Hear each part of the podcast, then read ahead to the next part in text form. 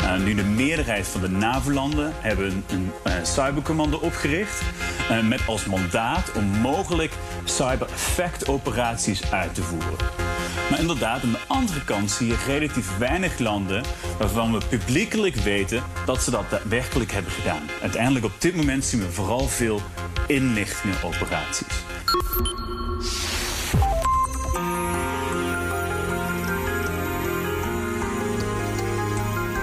Je luistert naar De Stratege, een podcast van BNR in samenwerking met het Den Haag Centrum voor Strategische Studies. Mijn naam is Paul van Liemt. The 21st century has also seen the rise of another kind of warfare.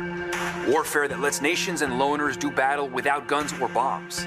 These days, the biggest threat we face may be a rogue actor with a laptop and a desire to wreak havoc. It can access every message you've ever sent. It can access every message you've ever received. It can access every photo, every video, every email.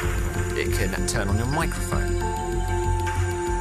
And it can do all of this without you ever knowing. Well, Russia's invasion of Ukraine has surprised many military analysts who'd expected fighting to be over very quickly. Instead, the three month old war has exposed unexpected weaknesses in Russia's forces.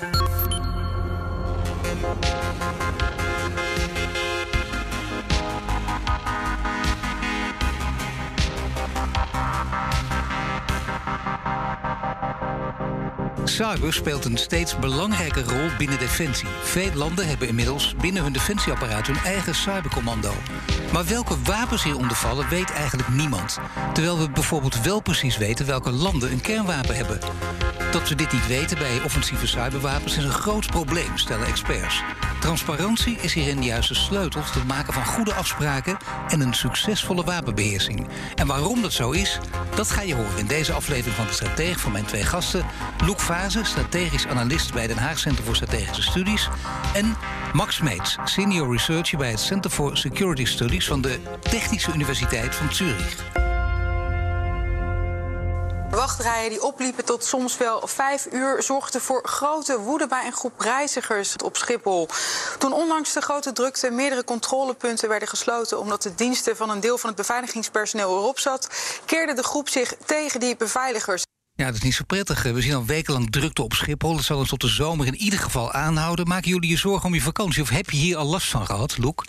Ik heb er zelf nog niet zo heel veel last van gehad. Ik ben uh, bij mijn vorige vakantie vanuit Frankfurt vertrokken, dus ik heb het een beetje omzeild. Oh, dat is een hele goeie. Dat is eigenlijk de oplossing ook. En, en Max, hoe zit het met jou vanuit Zurich?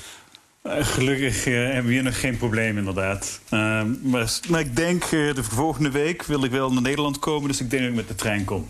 Oh, toch wel, voor de zekerheid. En hoe lang is dat met de ja, trein? Precies. Hoe lang is dat met de trein? Nou, dat valt wel mee. Dus mijn familie woont in uh, Maastricht. En dan uh, reis ik meestal naar Aken. Dus dat is ongeveer uh, een zes, zeven uur. En dan, uh, dan overstappen. Als Oh, ik ja. een beetje geluk heb en mijn moeder heel lief aankijkt... dan, dan komt ze me ophalen. nou, dat klinkt heel relaxed op deze manier. The 21st century has also seen the rise of another kind of warfare. Warfare that lets nations and loners do battle without guns or bombs. These days, the biggest threat we face may be a rogue actor with a laptop and a desire to wreak havoc. Ja, en daar gaan we het over hebben. Loek, jij hebt bij HCSS de Cyber Arms Watch mogen ontwikkelen. Wat is dat precies? Ja, klopt. Dat is eigenlijk een monitor die wij hebben gemaakt, die wat kijkt hoe transparant landen nu eigenlijk zijn over hun offensieve cybercapaciteiten. En dat doen we op basis eigenlijk van twee ratings of twee indexen. Eerst kijken we hoe transparant bijvoorbeeld de overheid is. Uh, als het gaat over een offensieve capaciteit. Dus wat hè, geeft het zelf vrij aan de buitenwereld? Wat publiceert de overheid zelf? Dus dan moet je denken, de Nederlandse overheid bijvoorbeeld in, uh, in haar defensie, in de, in de strategie, uh, daar gepubliceerd dat het offensieve cybercapaciteiten heeft. en zo zijn er nog heel wat landen die wat, hè, die trend eigenlijk volgen. Maar ja, dat geeft je ook wel een half beeld eigenlijk. Want heel veel landen waarvan we weten dat ze offensief hebben opgetreden in cyberspace in het verleden, ja, die doen dat niet. En die houden de lippen stijf, zoals bijvoorbeeld Rusland, China, Iran. Ja, die zeggen niet veel over hun capaciteiten, geven niet eigenlijk veel, veel informatie vrij. Of bijna niks. Dus dan ga je kijken naar de tweede rating van oké, maar hoe verhoudt eigenlijk dat zich met de, ja, de waargenomen uh, capaciteit? Of hoe worden die capaciteiten waargenomen door de buitenwereld?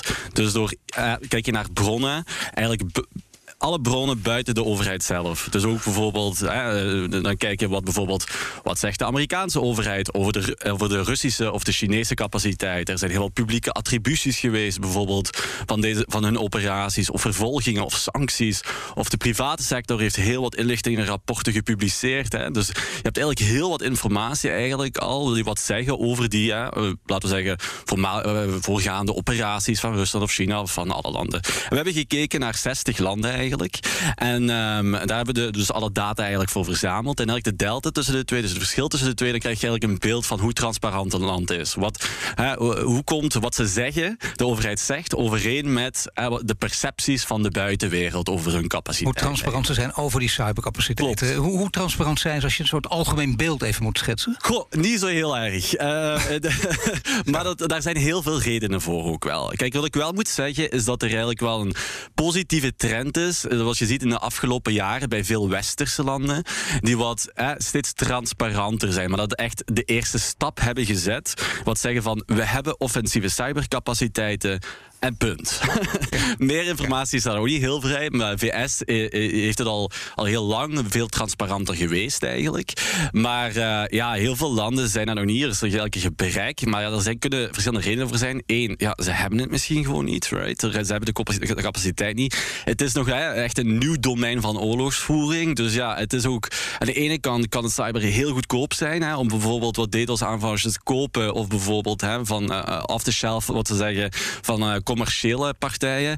Maar om het echt heel goed te integreren in je militaire ja, organisatie eigenlijk. En dat te synchroniseren met al je andere operaties. Ja, dat is, dat is moeilijk. En er zijn ook mandaatproblemen bij veel Europese landen bijvoorbeeld. Ja, hè, wat, we, de, ene, de, ene, vraag is van wat, we kunnen het niet misschien. Maar de andere is ja, we mogen het niet. Uh, omdat we bijvoorbeeld een heel gelimiteerd mandaat hebben eigenlijk. Maar is er niet nog een derde? Namelijk, eh, we willen het niet. Dat landen zeggen, we, we, we willen jullie gewoon verrassen met offensieve cyberwapens. Dus wij geven geen enkel uitsluitsel. Helemaal dat. Ze willen de kaarten dicht bij zich houden. En uh, wat we zien bijvoorbeeld bij... Uh, bevestigt ook wel de, de, de, het beeld wat we hadden... Wat veel experts hadden daarvoor... is dat Rusland, China, Iran... dit soort landen die wat eigenlijk zo goed als niks zeggen over hun capaciteit. Geen transparantie tonen, terwijl er ja, zoveel informatie beschikbaar is... over hoe zij het eigenlijk een beetje hebben georganiseerd... binnen hun defensie en over hun voorgaande operaties. Ik dat is misschien niet geheel verrassend, maar er zitten nog een paar hele mooie resultaten, uh, individuele resultaten per land uh, te bespreken.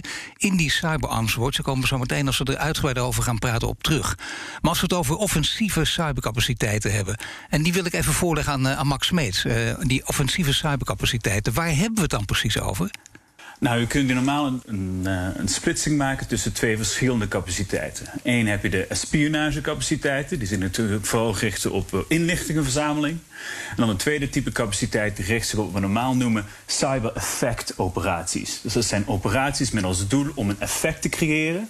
En in het Engels hebben, gebruiken we de vier D's: disrupt, deny, degrade and or destroy. En die vallen eigenlijk in drie verschillende categorieën. De eerste categorie uh, zijn vooral de distributed denial of service attacks. Relatief simpel, waarbij soms een website wordt platgelegd.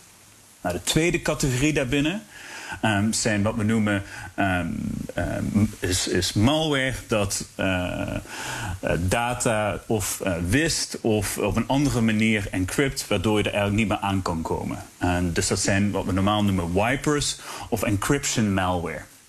En de derde categorie, dat is vooral uh, cyberoperaties die zich richten op het beïnvloeden van systemen. En dat kan dus bijvoorbeeld zijn kritieke infrastructuur, um, zoals het aanvallen van een, uh, een windmolen of, uh, of een ander kritieke aspect van een land. Nee, goed, maar als we dus hebben over offensieve cybercapaciteiten, zijn dit inderdaad hele de belangrijke elementen. Maar waar we het precies over hebben, is er iemand die dat precies weet, Loek, denk jij? Ja, kijk, uh, vaak wordt ook de term cyberwapens uh, gebruikt. En vooral ja. de media of publieke opinie uh, de, in dit soort gesprekken. Maar ja, dat is eigenlijk een heel... Ja, dat is, dat is nog helemaal geen akkoord over dit soort over cyberwapens als term. Die wordt eigenlijk binnen, laten we zeggen, de expertwereld bijna nooit gebruikt. Dat zou je als media dus eigenlijk ook niet moeten doen? Ja, eigenlijk niet, want er is bijna geen definitie voor eigenlijk. Omdat het is toch ja, een heel uniek soort van ja, capaciteit. Dus we hebben het veel, veel eerder over capaciteiten, cybercapaciteiten of cyberoperaties. Omdat zo'n wapen ja, is heel moeilijk te definiëren. Vooral door, hè, het zijn vaak toch een samenraapsel van technologieën eigenlijk die wat je bij elkaar houdt. En ja, dan als je het offensief inzet, dan is het een keer een wapen. Dus het is heel anders. De manier om over te denken is helemaal anders dan bijvoorbeeld echt een fysiek wapen. Right? Dat ben ik eerlijk gezegd ook wel gewend om dat een beetje door elkaar te halen. Kunnen we vanaf nu dus beter niet gaan doen. Ik zal mijn best gaan doen. Uh, Max, wat wil jij toevoegen? Nee, dus, dus uiteindelijk is er natuurlijk gewoon een serie van acties om toegang te krijgen tot een bepaald mm. systeem of netwerk. En zodra je toegang hebt om daar iets mee te doen. Dan wel die data te verzamelen of misschien wel die data te wissen bijvoorbeeld. En, en voor die series van acties kan je mogelijk bepaalde middelen gebruiken om binnen te komen. En die middelen zou je mogelijk een cyberwapen kunnen noemen. Maar dat is heel lastig om dat op die manier te benoemen. Want mogelijk heb je verschillende middelen nodig om een bepaalde actie uit te voeren op een bepaald systeem. Wanneer je gaat kijken naar wat is nou precies capaciteitsopbouw voor een bepaald land, en dan specifiek bijvoorbeeld een inlichtingenorganisatie of een cybercommando, dan kunnen die eigenlijk opsplitsen in een aantal verschillende aspecten. En de allerbelangrijkste uiteindelijk zijn gewoon de mensen. Dus de operators, developers, wat we noemen system administrators. En natuurlijk ook het legal team, uh, je strategist. Uh, het, het, het, eigenlijk het, natuurlijk het personeel is het allerbelangrijkste wanneer je het hebt over capaciteit. Nou, daarnaast krijg je wat we normaal een onderscheiden maken in exploits. Het zijn eigenlijk die middelen om toegang te krijgen tot een systeem en tools. Zodra je toegang hebt, uh, wil je soms dingen op een systeem doen. En het laatste aspect is de infrastructuur. Nou, infrastructuur is een heel brede verzamelwoord van verschillende dingen. Maar dat is bijvoorbeeld je testinfrastructuur en ook je traininginfrastructuur. Zodat je operators ook een bepaalde uh, uh, mogelijkheid hebben om hun middelen te testen en hertesten voor gebruik. Ja, dat is inderdaad iets heel anders dan, dan alleen maar over wapens praten, over cyberwapens praten. Laat staan dat ze praten over oorlog of aanvallen op het gebied van cyber. Je ziet relatief, heb ik de indruk, toch weinig oorlog of aanvallen op het gebied van cyber. Of is het eigenlijk maar schijn? Max? Eh, we zien inderdaad een hele interessante dynamiek. Aan de ene kant zien we dus heel veel landen die een cybercommando hebben opgericht. Uh, zoals Luc al aangaf, mogelijk boven de 40 landen die dat al publiekelijk hebben gedaan. Uh, nu de meerderheid van de NAVO-landen hebben een, een cybercommando opgericht. met als mandaat om mogelijk cyber-effect-operaties uit te voeren. Maar inderdaad, aan de andere kant zie je relatief weinig landen waarvan we publiekelijk weten dat ze dat daadwerkelijk hebben gedaan. Uiteindelijk op dit moment zien we vooral veel inlichtingenoperaties. Een bekende die je zag, die wil ik toch even aan Loek voorleggen. Want dat is natuurlijk die, die hack van de Colonial Pipeline in Amerika. Een bekende uh, cyberaanval door de Russen. Is, is, dat ook het bekendste en is het bovendien ook een van de weinigen? Of zijn er nog veel meer? Oh nee, er zijn er wel veel meer uh, bekend. Kijk, dit was ook, uh, ik denk de bekendste, of die, die, het vaakst, het voorbeeld wat het vaakst wordt gebruikt, is toch wel Stuxnet. Dat was oh ja, dat is eigenlijk de Amerikaanse operatie die wat nucleaire enrichment faciliteit eigenlijk in, uh, van de Iran. Uh, die, die koelingssystemen van Siemens die hebben ze gehackt eigenlijk. En zo hebben ze eigenlijk dat, uh, dat programma kunnen vertragen.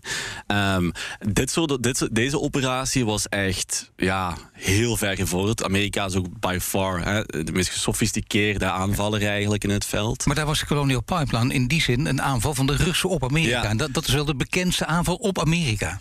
Nou, ik, ik, ik, ligt er een beetje aan hoe je naar kijkt. Uh, het is aan de ene kant soms spionage.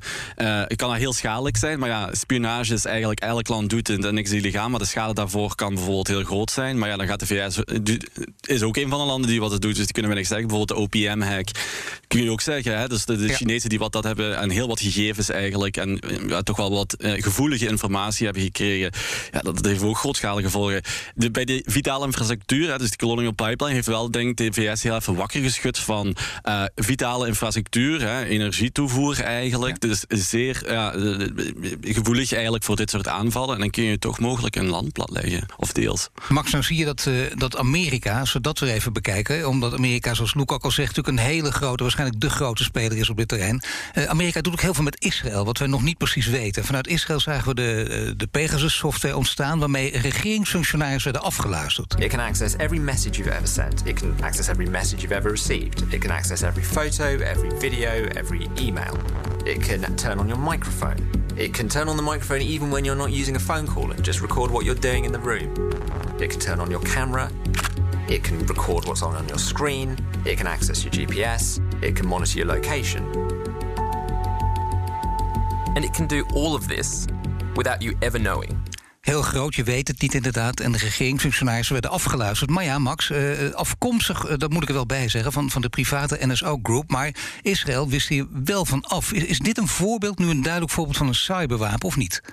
De Pegasus software ontwikkeld door NSO Groep um, zou ik normaal niet noemen als een cyberwapen. Dus wat we normaal noemen een surveillance tool. Dus de capaciteit uh, wordt vooral gebruikt om inderdaad data te verzamelen, om misschien de, uh, van, van een telefoon of mogelijk een ander netwerk van een, uh, van een persoon. het wordt niet gebruikt om bijvoorbeeld kritieke infrastructuur te hacken en schade aan te richten. Dus daar zit wel een onderscheid in. En inderdaad, Israël weet dat NSO-groep deze software ontwikkelt en ook verkoopt in andere landen. En er is een open vraag in hoeverre ze eigenlijk gebruik maken van de verkoop van NSO-groep. En hoe ver ze eigenlijk ook inlichting kunnen verzamelen, omdat NSO-groep hun Pegasus software dan verkoopt aan bijvoorbeeld de Verenigde Arabische Emiraten of uh, mogelijk andere landen. Ja, het is een open vraag. Moeilijk antwoord te geven. Net zoals op de vraag: Amerika doet veel meer met Israël dat wij niet weten. Luke steekt hier zijn vinger op. Ja, Max, dus je gaat even voor nu. Nee, maar het is eh, misschien ook handig om te weten: is dat heel veel landen eigenlijk, hè, vooral die wat nog niet echt die hele vergevorderde in-house capaciteit hebben binnen hun eigen defensie, uh, die zijn toch wel afhankelijk van dit soort commerciële producten. Dit gaat nu echt over spionage, maar je kunt bijvoorbeeld ook bijvoorbeeld DDoS of as a service ja. bijvoorbeeld ook kopen. En dan kun je bijvoorbeeld over belasting van netwerken, waardoor die uh, tijdelijk plat liggen bijvoorbeeld. Dus heel, wat we zien is dat hè, best wel veel landen hiervan afhankelijk zijn, die wat van commerciële vendors dit eigenlijk gewoon kunnen kopen. Uh, ook Spyware hebben bijvoorbeeld dit soort, uh, deze case, die van Pegasus, die hebben wij ook bijvoorbeeld in die database. Dat is niet een, dus een effectoperatie, zoals Max eigenlijk zei, die zit ook helemaal op het begin, lower level. maar dat is nog altijd iets, wij hebben inlichtingoperaties daar wel nog voor bijgenomen, maar dat is niet, dan heb je nog niet echt over offensieve cybercapaciteit. En bovendien over een private groep, een niet-statelijke actor, om het zo maar even uit te drukken, de NSO-groep. Maar uh, de vraag: Amerika doet meer met Israël dan wij weten, of niet? Is dat, kun je daar geen antwoord op geven? Ik, weet dat niet. Kijk, Amerikaanse samenwerking met Israël was ook bijvoorbeeld bij Stuxnet was er ook uh, samenwerking eigenlijk tussen die partijen. Ik denk dat uh, dat zijn gewoon bondgenoten die wat samen optrekken. En Israël en de VS zijn zeer gevorderd, hebben heel vergevorderde capaciteiten binnen dit veld. Het zijn twee koplopers. Wel, wel een schaalverschil natuurlijk. Uh, maar het zijn natuurlijk twee technologische koplopers. Dus ja, dan is die samenwerking daar ook al makkelijker. Omdat iedereen ook een beetje misschien op hetzelfde uh, niveau zit. Hè. Je manschappen, iedereen, als ze beginnen praten, weten ze wat er bedoeld wordt. Ze kunnen elkaar ja. begrijpen, ze kunnen elkaar ondersteunen en ze kunnen ook voor elkaar uitvoeren. We hebben het over één land nog niet gehad, dat gaan we nu doen. Well, Russia's invasion of Ukraine has surprised many military analysts who'd expected fighting to be over very quickly. Instead, the three month old war has exposed unexpected weaknesses in Russia's forces. Ja, want ook dat is nog steeds een min of meer open vraag. De oorlog in Oekraïne woedt eh, uiteraard voort. We hadden verwacht daar, dat daar een, een nieuwe oorlog zouden zien. Dus geen grondoorlog, terwijl het dat vooral wel is. Maar wat is de rol die cyber speelt? En je merkt dat heel veel deskundigen zeggen Natuurlijk, uh, het is ook een cyberoorlog. Ga er maar van uit dat het zo is. Maar dan denk je, ik weet niet zeker of ik, of ik dat wel kan geloven als experts dat zeggen. Omdat ze dat daar niet bij zijn, dat niet precies weten, daar niet te veel details over kunnen vertellen of niet mogen vertellen. Dat blijft nog een beetje de mist hangen. Uh, misschien mag ik eerst even naar Max. Uh, wat denk jij of weet jij wat er aan de hand is op cybergebied? Het kost inderdaad heel veel tijd om goed te analyseren wat er precies aan de hand is. Uh, wat we nu weten van de laatste drie maanden is dat er inderdaad verschillende uh, cyber-effect-operaties zijn uitgevoerd door Rusland. Uh, de meest bekende is de Viasat-hack. waarbij op 24 februari of 25 februari, toen de Russische grondtroepen eigenlijk Oekraïne binnenvielen, um, legde Rusland ook uh, in ieder geval de grondinfrastructuur van het satellietnetwerk uh, plat. Uh, om dus de communicatie te, te verbreken. en we hebben nog een aantal andere operaties gezien. Natuurlijk heel veel DDoS-aanvallen. En ook een aantal datalekken allebei de kanten. Um, de andere kant, dus ondanks dat we dit deze activiteiten hebben gezien, is er wel een open vraag van: oké, maar wat is nu precies het strategische effect hiervan? Ja. Uh, hebben deze operaties nu daadwerkelijk toegeleid dat Rusland hier een, uh, een tactisch, uh, operationeel of strategisch voordeel heeft uitgehaald? En daar zijn de meningen heel erg over verdeeld. Ja, omdat dit, dat zijn inderdaad op het niveau meningen is dit. We zien dat er inderdaad allerlei activiteiten plaatsvinden... maar over de effecten kunnen we nog geen harde dingen zeggen. Loek of wel? Nee, maar ik denk, het is eh, inderdaad nog early days om dat allemaal te analyseren. Maar ik denk wel, de verwachting was echt zo van... dit gaat de 21ste eeuwse, 21 eeuwste zeker. oorlogsvoering zijn, maar in cyber... Voor 24 februari werd dat zeker Ja, precies. Hè, dat gaat alle cyber de grote rol spelen. Ik denk dat, dat, uh, dat we dat zeker dat imago moesten bijschroeven. Ik denk... Um, net als bij de conventionele oorlogsvoering op de grond eigenlijk, denk ik dat uh, Rusland, uh, ja, net als in cyberspace, dat een mindervaardige aanvaller was gebleken.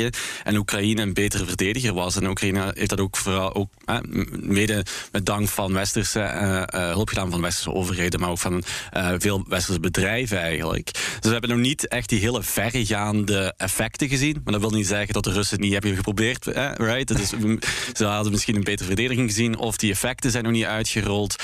Maar je denkt ook van vaak worden cyberoperaties toch ook wel ingevoerd om een soort van ja, plausible deniability te hebben aan een, uh, aan een land, te geven een land. Ja, en in zo'n oorlog heb je misschien die plausible deniability niet meer echt nodig. Uh, en ja, je kunt je ook wel vragen, heel wat misschien tijd, energie en uh, manuren gaan in het voorbereiden van bijvoorbeeld het hacken van een of andere tv-mast of mediamast. En dat zagen we ook, dat dat hè, daarvoor, Microsoft heeft, heeft eigenlijk wel een van de betere rapporten, of meer, laten we zeggen, een groter beeld schept over de Russische operatie tot dusver. We zagen allemaal kleine, laten we zeggen, snippertjes al. Maar nu hadden zij echt wel een, goed rapport gepubliceerd over de operaties tot dusver. En wat je ziet is dat die, die cyberoperatie volgen natuurlijk ook een landoffensief. En waarin ze bijvoorbeeld de mediamast eerst proberen te hacken. Ja, een tijdje opgegeven en hebben ze dat ding gewoon gebombardeerd. Dus dan ja, moet je ook wel vragen, misschien lukt het niet via cyber. Maar dan denken ze van oké, dan zetten we gewoon het schoolverschut in. Ja, maar dan in dit hele verhaal wil ik toch misschien een paar, paar voorbeelden, echt eh, zoals het dan altijd zo eh, een beetje lelijkheid, concrete voorbeelden naar voren halen. Bijvoorbeeld uh, Elon Musk met zijn Starlink-satellieten die hij ter beschikking heeft gesteld aan Oekraïne. Wat, wat hebben die precies voor een rol gespeeld? Of is dat ook, als het moeilijk te omschrijven is, heb ik liever dat je dat gewoon zegt, maar wat hebben die voor rol gespeeld? Uh, ik, ik, kan het moeilijk bepalen eigenlijk wat voor een rol die hebben gespeeld. Ik denk dat het vooral voor. Eh, mijn aanname is, is dat het vooral voor, laten we zeggen, de overheidsfunctionarissen om nog um, in geval van nood, hè, tot het internet wordt platgelegd bijvoorbeeld, er kan niet meer gecommuniceerd worden via internetverbinding, dat je dan wel nog via die satellietverbinding kunt gaan. Nu, meestal bij satellietverbindingen hebben we veel minder bandbreedte dan hè, bijvoorbeeld kabels. Maar wat je wel ziet, is denk ik dat eigenlijk het. In, dus dat is denk ik vooral voor de overheid, hè, in, in case of emergency, dat zij dan dat kunnen gebruiken om nog te communiceren eigenlijk. Of dat daadwerkelijk zoals je ingezet, ik, ik zou het eigenlijk niet weten. Um, maar daar zitten natuurlijk vaak bij dit soort satellieten, zowel te traceren, hè, uh, de punten waarin die worden gebruikt eigenlijk vaak. Dat is denk ik mijn aanname. Dus er zit wel nog een risico bij, maar Max moet me vooral corrigeren als dat niet het geval is. Ik hoor uh, nog niks uit u. het gaat goed. uh, nee, dus dat. En ik denk, maar ook over, laten zeggen, het functioneren van het algehele Oekraïnse internet, valt het op zich nog wel mee. Uh, we zagen nog wel wat rapporten eigenlijk. Kijk, Mariupol is natuurlijk helemaal plat gebombardeerd. Daar zie je natuurlijk wel de gevolgen, uiteraard. Maar in het algemeen heeft Oekraïne een redelijk verdeeld, uh, een competitief, uh, laten we zeggen, markt. Er is geen monopolie, dus het is niet als je één actor heel, of één netwerk eruit haalt. Het is heel gedecentraliseerd. Dus dat is ook de beste verdediging eigenlijk om je internet draaiende te houden. En Max, eh, wat voor voorbeelden zien jullie nog meer buiten dat voorbeeld dat ik net noemde van eh, de Starlink-satellieten van Elon Musk? Nou, een van de belangrijke aspecten is ook de fysieke toegang die Rusland natuurlijk in het oosten van een land heeft. Uh, wat betreft uh, software administrators of andere administrators. Dus ze kunnen mogelijk zeggen tegen iemand die uh, bij een bepaald bedrijf werkt. Eh, en die is gevangen genomen door de Russische overheid. Van geef ons toegang tot je laptop. En anders, helaas, loopt het niet goed af voor je familie. dat is een risico op dit moment dat we op dit moment nog niet goed uh, kunnen beoordelen, maar dat zeker bestaat. En we hebben al een aantal voorbeelden gezien waarbij dus bedrijven hierdoor extra kwetsbaar zijn. En dat zorgt er dus ook weer voor dat we moeten nadenken over eigenlijk de interactie tussen het cyberdomein en het fysieke domein. We hebben het niet over twee domeinen die volledig apart zijn, maar natuurlijk vaak samenkomen. Ehm, het tweede voorbeeld dat je hierin kan zien is bijvoorbeeld uh, toegang tot uh, data servers. Dus ook in het oosten van het land zijn een aantal data servers um, die uh, informatie mogelijk hebben van um, Oekraïners of andere mensen in andere plekken van de wereld, die niet alleen daar gevestigd zijn, maar dus ook, ook ergens anders. Nou, als je mogelijk fysieke toegang krijgt tot die data servers en datacenters, dan geeft dat ook weer mogelijkheden tot, tot inlichtingenverzameling, die alleen maar mogelijk is, nogmaals, door natuurlijk de, uh, wat er op de grond gebeurt. Zijn jullie verrast dat het, dat het uiteindelijk de oorlog is geworden en nog is die, die nu aan de gang is?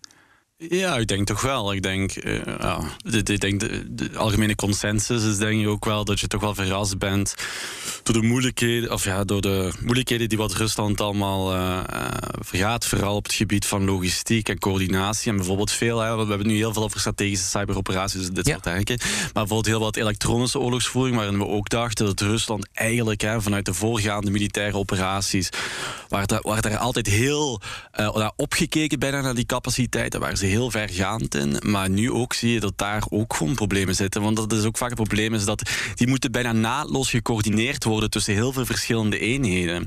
Dus dat is best wel een complexe operatie. dan zie je, dat is net het Russische probleem. Coördinatie en goed aansluiten van die militaire operatie op zo'n brede schaal. Het is toch een heel grootschalige landinvasie bezig. En dan zie je dat het toch veel moeizamer gaat dan bij die gerichtere operaties in het verleden eigenlijk. Ja. En geldt dat voor jou ook, Max? Nou, ik had in ieder geval niet het verwachtingspatroon, uh, zoals het soms wordt omschreven, uh, dat uh, de huidige oorlog alleen wordt gevoerd in het cyberdomein en dat de conventionele domein geen rol meer speelt. Natuurlijk inherent kan je alleen maar met de conventionele oorlogsmacht een daadwerkelijk een land binnendringen. Um, wat ik wel had verwacht is meer aanvallen op het, uh, vooral de power grid van Oekraïne. Waar we voor de oorlog twee succesvolle aanvallen hebben gezien. Uh, allebei rond, rond kerst. Um, ja, daar, had ik, daar had ik eigenlijk meer verwacht. En de vraag waarom precies wel of niet is, is, is heel moeilijk te beantwoorden. Natuurlijk is er ook een, een, een algemeen aspect waarbij waarschijnlijk Rusland niet had verwacht dat de oorlog nog nu al drie maanden duurt. Hè? Dus uh, het algemene falen in het strategische denken uh, met de gedachte dat ze snel in Kiev zouden zijn, uh, misschien heeft dat ertoe geleid dat ze niet hadden verwacht dat ja, cyber een grote rol zou moeten spelen. En ik, ik, vraag jou niet echt in de glazen bol te kijken. En ook hier geldt dus weer de disclaimer. Als je, als je niet, geen antwoord kunt geven, dan, dan kan het ook niet. Maar, maar verwacht je nog bepaalde vormen van cyberaanvallen? Kun je, kun je met andere woorden aangeven welke er zeker nog gaan komen? Uh, nou, zeker niet met zekerheid. Wat we, verwachten is natuurlijk uh, het laagdrempelige zal altijd blijven. Uh, de cyberwar in dat opzicht is altijd on. Dus altijd zullen we nog heel veel DDoS-aanvallen zien. We zullen nog regelmatig websites die uit de lucht gaan. Um, het zal ook nog gebeuren. Dus we hebben nu minimaal zes tot zeven wat we noemen wiper-versies gezien. Dus dat zijn um, type malware dat ervoor zorgt dat je data kan wissen van een bepaald computersysteem of netwerk. Nou, daar zullen we nog veel meer nieuwe varianten in zien. Uh, wat moeilijker is om te zeggen van oké, okay, uh, zullen we in de komende maanden werkelijk, wat Luc ook aangaf, een betere integratie zien tussen de cyberactiviteiten van Rusland en de conventionele activiteiten. En dat is een, uh, een moeilijkere vraag om te beantwoorden. Ik verwacht zelf van niet. Ja, nou ja, dat is toch een heel duidelijk en kort antwoord op die moeilijke vraag. Loek, ik had beloofd, we zouden nog even terugkomen op die Cyber Arms Watch. En misschien uh, door in te zoomen op bepaalde landen die echt hoog scoren in transparantie. Dat je er een paar kunt noemen, maar ook een paar die het echt enorm slecht doen. Ja, nee, zoals ik uh, eigenlijk had aangegeven, de VS die scoort eigenlijk uh, by far het hoogste. Uh, dat komt ook omdat hè, het is veruit, laten we zeggen, de meest gesofisticeerde land eigenlijk. Ja. Of het heeft het meest gesofisticeerde offensieve arsenaal. Maar het is ook een van de voorlopers, was een van de eerste eigenlijk erbij. Dus we maken, moeten ook een beetje een onderscheid maken tussen landen die wat vergevorderde capaciteit hebben, zoals de VS bijvoorbeeld, en ook daar, daarover transparant zijn. Andere landen zijn, die vergelijkbaar zijn, zijn bijvoorbeeld ook het VK bijvoorbeeld bijvoorbeeld. Ehm, en ja, die hebben ook een hoge capaciteit. Dan betekent die transparantie ook meer. Want ja, je hebt, je hebt natuurlijk ook veel meer in huis. Maar heel veel landen, merk die zitten nog echt in de beginfase eigenlijk. Maar Amerika was inderdaad bijna niet verrassend. Maar kun je het nog een paar noemen? Of weet ik, dat had je zelf misschien ook niet gedacht? Wat ik heel verrassend vond, was een land als Brazilië bijvoorbeeld. Die hebben heel veel gepubliceerd zelf. Dus die hebben heel wat militaire doctrines eigenlijk gepubliceerd. Uh, over uh, hun, uh, de, de, manier waarop zij cyber hebben geïntegreerd binnen hun ministerie, binnen de krijgsmacht. Um, maar ja, dat is het grappige. Dat is een land die wat eigenlijk heel veel eigenlijk daarover heeft gepubliceerd. Ook veel studies door Defensie zelf. Maar dat komt eigenlijk niet echt overeen met hoe wij, laten we zeggen, de Braziliaanse capaciteit ja, perceiven. Want er is eigenlijk niet zo heel veel Braziliaanse operaties of niet zo heel veel offensieve operaties om terug naar te grijpen. Dus dan zie je eigenlijk dat ze misschien wat veel transparanter zijn in een overheid eigenlijk, dan dat uh, ja, de buitenwereld eigenlijk een offensief uh, capaciteit inschat. En, uh, en dan heb je nog andere landen die wat heel slecht scoren zijn. Ja, bij far gewoon Rusland. het, daar zit ook de grootste, laten we zeggen, delta tussen. Dus Rusland zegt niks, zo goed als niks eigenlijk.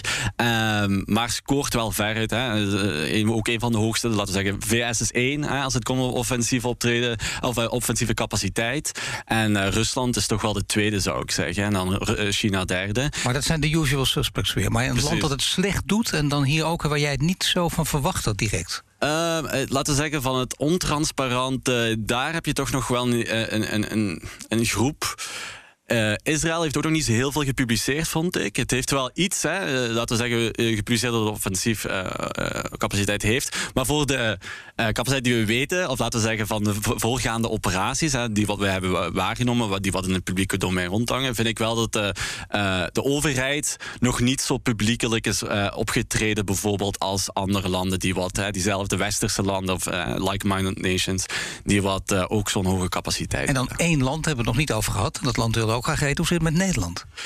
Nederland, uh, die, uh, er wordt gezegd, hè, dus ze hebben offensieve cybercapaciteit, punt. Meer wordt er ook niet heel veel gezegd. Er is wat informatie te vinden over het Defensie Cybercommando. En ik vind het, dus dat, hè, laten we zeggen, dat is eigenlijk wat we weten van de overheid, wat die heeft gecommuniceerd hierover. Um, er is ook een strategie, maar daar staat niet heel veel meer in hè, dan uh, we hebben het. Uh, en er wordt niet veel meer informatie vrijgegeven. Nu, hoe wordt Nederland waargenomen, de Nederlandse capaciteit waargenomen door de buitenwereld? Dat vind ik een interessante, want we kennen vooral eigenlijk de, de inlichtingoperaties van Nederland. En die contra-inlichtingoperaties. Maar niet die cyber-effect-operaties, waar bijvoorbeeld, hè, waar, waar, Max het over had, met die disruptive of destructive effecten bijvoorbeeld. Uh, en daar zie je ook wel nog een tweede punt, is ook een beetje een, een, verschil in tussen hoe de Nederlanders er kijken. Uh, dus uh, de, de, media, bijvoorbeeld Nederlandse media, of Nederlandse experts ernaar kijken, en hoe de buitenwereld er naar kijkt. De buitenwereld, ja. in het buitenland focussen zich vooral op, wauw, hebben geweldige inlichtingencapaciteit. Of, hè, je ziet ook uh, waarin ze hebben opgetreden in het verleden. Um, en die uh, is het heel snel dat ze de conclusie maken dat dan hebben ze ook een heel gesofisticeerde uh, offensieve cybercapaciteit. Hè, die, die effectoperaties. En in Nederland zijn ze toch iets kritischer. Hè. Ze zien ook de moeilijkheden die wat de Defensie Cybercommando, die zijn daar ook al publiekelijk in. Hè, voormalige commando's, de, de, voor de, moe de moeilijkheden die wat ja, zij tegenkomen bij het integreren van hun hun capaciteit binnen de defensie-organisatie. Ehm, ja, Als je deze analyse hoort en het gelezen hebt, wat maak jij op uit deze Cyber Arms Watch, Max? Nou, ik denk dat Luke ook een heel interessant aspect belicht wat betreft Nederland, eh, waar er ook mogelijk een voorbeeld van is. Dus Luke gaf al aan, er zijn een aantal landen die uh, niet erg duidelijk zijn over een offensieve cyberprogramma, maar wel operaties hebben uitgevoerd. Er is natuurlijk ook een tweede groep. Uh, dus een groep van landen die wel duidelijk is geweest van we hebben een cyber, offensief cyberprogramma, we hebben een cybercommando opgericht.